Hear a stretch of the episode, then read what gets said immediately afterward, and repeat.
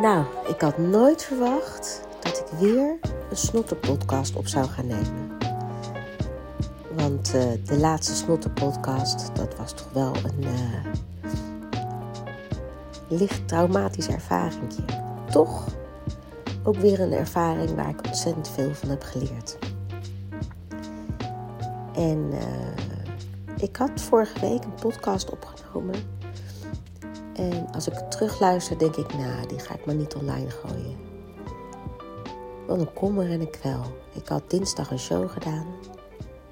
En um, ik voelde al voordat ik opging dat eigenlijk niks in mijn lijf. Ik had geen centje energie. Ik had wel echt heel veel zin.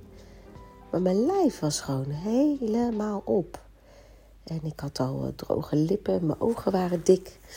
En uh, nou ja, ik denk ik ga. Ik had heel gezellig allemaal mensen in de zaal.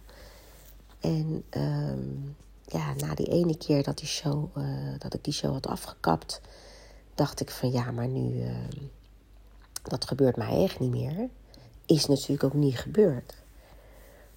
Maar ik, ik ben natuurlijk ook naar de aanloop naar de bodyguard en alles ben ik, denk ik, nou, ik ga nog even snel dit doen voordat, voordat we gaan repeteren. En ik ga nog even snel dat doen. En ik gooi alles maar vol. En ehm, als ik dan in mijn agenda kijk, dan ben ik eigenlijk al van tevoren, zie ik al helemaal, oh, die is helemaal vol. De komende tijd, de komende periode. En uh, dan, ga ik, dan krijg ik een soort van. Uh, toestand, dan ga ik door en door en door. En dat had ik dus de laatste show die ik heb gedaan, is dus vorige week dinsdag. En um, ik had de woensdag had ik koffietijd. En dat was leuk. Ik heb met Tamar, een van de, de meisjes die bij mij nu in de Artist Academy zit, heb ik opgetreden. En het was heel spannend, want eigenlijk had zij dus nog nooit op tv opgetreden en we hadden nog nooit samen gezongen. En ik heb haar wel gecoacht, maar ik heb haar ook geen zangles gegeven, hebben we geen repetities gedaan. Maar ik heb haar wel horen zingen en ik wist natuurlijk wel dat ze heel goed kon zingen. Dus uh, ze vroegen bij koffietijd: Goh, wil je wat vertellen over wat je gaat doen in de toekomst? En uh, wil jij uh, een van je leerlingen meenemen? Dus hup, ik heb haar gebeld. Ik zei, joh, kan jij, kan je dan zingen? En daar stonden we met z'n tweetjes. Mijn koffietijd. En ik voelde me al niet zo heel erg lekker. Beetje kriebel in mijn keel. Een beetje klein kriebelhoesje. Dus weer een paracetamolletje erin. En toen uh, ben ik um, lekker naar huis gegaan. Ik ben met de taxi naar huis gebracht. En ik ben gaan kletsen met een vriendin en ik zei: Ik ga even liggen. En ik ging liggen en de hele wereld draaide om me heen. En tolde om me heen. En ik kreeg het warm en ik ben de thermometer gaan zoeken. En uh, de koorts gaan meten en ik had 40 graden, punt 5, 2. Zo, 40,2 had ik. Oké, dit is niet best. Nou ja, blijf maar liggen. Nou, dat ging naar, naar twee, naar vijf, naar acht. De volgende dag is eigenlijk hetzelfde laken en pak. En die nacht ging het zelfs naar 41,2. Nou, toen uh, hebben mijn kinderen mij de dag daarna naar de dokter gebracht. Ja, en die zei gewoon: Het is die verschrikkelijke griep. Gewoon weer een griep. Ik was net lekker helemaal hersteld. En dan krijg je weer een griep. En dan zo ontzettend heftig. Zo'n heftige klap. En ik ben nog aan het herstellen. Ik ben nog helemaal niet beter. Ik, ik heb wel, ben koortsvrij nu. En uh, morgen beginnen eigenlijk al eerste repetities van de bodycard. Maar ik moet echt nog thuis blijven, want ik ben gewoon nog niet goed. En um, nou ja, ik ben benieuwd of ik het woensdag haal om een show te doen. En anders is mijn, als ik die haal, zaterdag mijn laatste show. Ik hoop het. Ik hoop dat ik de woensdag haal en ik hoop dat ik de zaterdag haal. Uh, in die tussentijd blijf ik rustig. Af en toe doe ik wel een beetje een uh, klein dingetje. Ruim ik een beetje op hier en daar. Want ik ben wel weer een beetje tot leven aan het komen. En ik ben woordsvrij. Maar uh, als ik dan zo even terugkijk, dan denk ik... Zo, ik heb volgens mij nog nooit zo'n woelige, woelige productie meegemaakt. En wat daar met mij is uh, uh, gebeurd. Heel veel ziek geweest. En, uh, maar toch ook ontzettend veel shows gespeeld. Want we hebben iets meer dan 500 shows gespeeld. En daar heb ik er ongeveer 200 toch van gespeeld. Dus dat is best wel veel. Want we hebben ook natuurlijk ook nog onze alter, understudies. Die ook nog wel redelijk vaak zijn opgeweest. Dus uh, ja, het is toch wel een heel belangrijk deel geweest, deze show.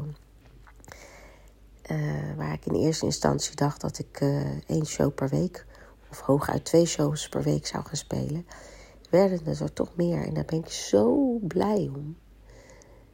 Uh, ik ben blij dat ik heb kunnen inspringen.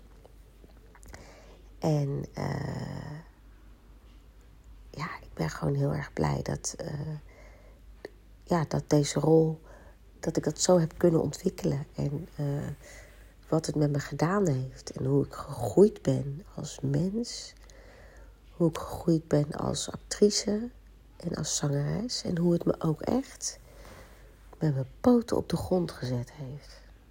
En het heeft me doen groeien als mens. Het heeft me ook laten zien hoeveel mensen er om me heen zijn. En hoeveel mensen er in me geloven. Ik heb ook gezien wie er niet in me gelooft. Maar ik heb zeker ook gezien wie er wel in me gelooft. En wie er voor me is. En ik heb uh, gezien dat als je in jezelf niet gelooft, dat je het gewoon niet gaat lukken. Dat je gewoon moet staan en moet geloven wat je doet. En uh,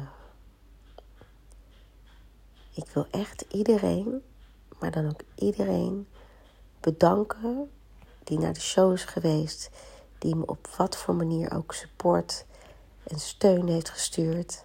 Het heeft echt zo geholpen. Het is zo ontzettend mooi geweest. Uh, het heeft ook echt een ommekeer. Op een gegeven moment in het begin kon ik helemaal mijn weg niet vinden. Omdat uh, dat Tina-repertoire zong ik al 30 jaar. En ik heb zo'n eigen beeld van Tina.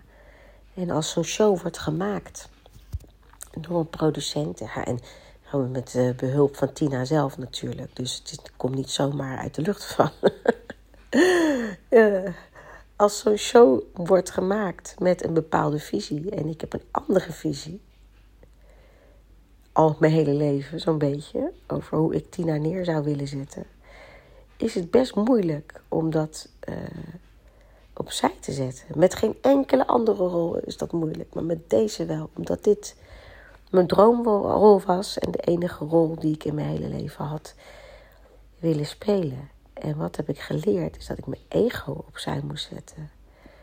En dat ik, uh, ik roep altijd wel van je staat in dienst van. Maar hier moest ik het ook daadwerkelijk doen en ben ik er ook ontzettend mee geconfronteerd. Um, deze show heeft me humble gemaakt en dankbaar gemaakt. En uh, toen ik op een gegeven moment niet meer in mezelf ben gaan, niet meer in mezelf geloofde, ben omdat het gewoon heel moeilijk ging. Het repetitieproces ging heel moeizaam. Maar toen ben ik gaan lezen wat uh, het publiek tegen mij zei. Niet per se, ik weet eigenlijk verder niet op forums of zo. Daar kijk ik nooit op. Maar wat mensen persoonlijk tegen mij zeiden. In mijn Instagram, in mijn, Facebook, ja, dat iets minder. Maar vooral mijn Instagram ben ik gaan kijken. Uh, als mensen de show hadden gezien. Uh, en dan ging ik me eigenlijk richten op de complimentjes die ik kreeg. En ik wil echt zeggen, ik heb zo ontzettend veel complimenten gehad. En zoveel mooie verhalen zijn er met mij gedeeld. En er zijn zoveel mensen die hun hart bij mij hebben geopend. En om hun verhaal kwijt te kunnen. En ehm, ik wil echt iedereen ontzettend bedanken voor deze openheid. Voor deze liefde. En voor deze steun. Want dat heeft mij doen groeien als actrice. En dat heeft me heel veel kracht gegeven om het verhaal zo eerlijk mogelijk te gaan vertellen. En um, ja, ik heb me echt ontzettend gedragen gevoeld door, uh, door het publiek. Echt, ook echt door mijn collega's. Maar ook echt door het publiek. En dan zaten er in het begin soms heel weinig mensen in de zaal van de corona. Altijd kwam er warmte uit de zaal. Ik heb nog nooit het gevoel gehad dat er een zaal was die saai was. Of die het saai vond. Ik, uh, ik wil het publiek daar ontzettend voor bedanken. Ja, nou is de 18e, hoop ik, sterk genoeg te zijn om mijn laatste show te spelen. En ik zit er helemaal te bedenken, weet je. Dan gaan we de 19e, is een groot feest. Ik hou niet van feestjes. Ik hou wel van feestjes, maar kleine feestjes. En helemaal niet, als het een afscheid is, vind ik het helemaal niks. Dus ik ga lekker voor iedereen allemaal cadeautjes kopen. Ik ga niet zeggen. Maar uh, het zal in ieder geval lekker zijn. en dan uh, ga ik de 18e de show doen. En dan ga ik uh, heerlijk de 19e compleet in de ruststand. Twee dagen. Want de 21ste gaan we gewoon weer lekker repeteren met de bodyguard. Uh, en nu zou ik dus deze week op zijn. En ik zou nog knallen. Maar niks knallen. Ik lig lekker weer op de bank. Met thee. En uh, zakdoekjes. En uh, ik ga aansterken. Ja, dat zijn dingen waar je niks aan kan doen. En waar je je maar gewoon compleet aan moet overgeven. En het zij zo. Lieve allemaal, dankjewel voor het luisteren. Ook naar de podcast. Ik ga nog niet stoppen hoor daarmee. Er komen nog heel veel leuke dingen aan. Maar uh, ja, iedereen bedankt.